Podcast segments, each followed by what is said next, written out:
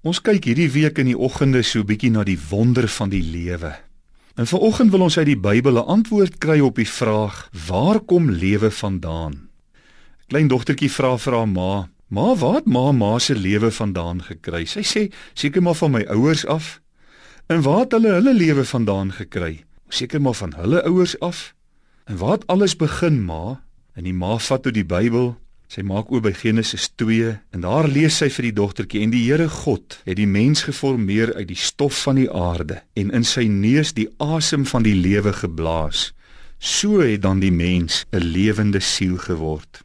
Ek besef vanmôre dat almal dit nie glo nie, maar dit maak geen verskil of ek dit glo of ek dit nie glo nie. Dis wat die Bybel sê, dis wat ek omonwonde glo.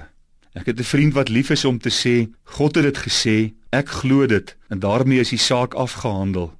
Ek het dit net so klein bietjie verander en ek sê graag God het dit gesê, daarmee is die saak afgehandel of ek dit nou glo of nie. God is die bron van alle lewe. Die mens het die asem van God in sy neusgate nodig gehad om 'n lewende siel te kon word. En dis juis die asem van God wat die lewe van die mens onderskei van alle ander forme van lewe wat hy geskep het.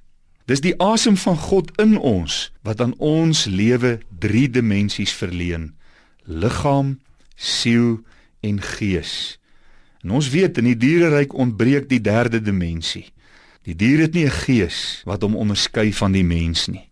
Alle lewe kom van God af. Ons lees in 1 Johannes 5 vers 20 En ons weet dat die seun van God gekom het en ons verstand gegee het om die waaragtige te ken. En ons is in die waaragtige, in sy seun Jesus Christus. Hy is die waaragtige God en die ewige lewe.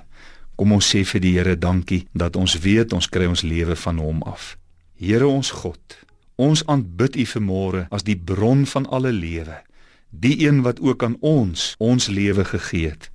Laat ons vandag leef vanuit U instaatstelling. Amen.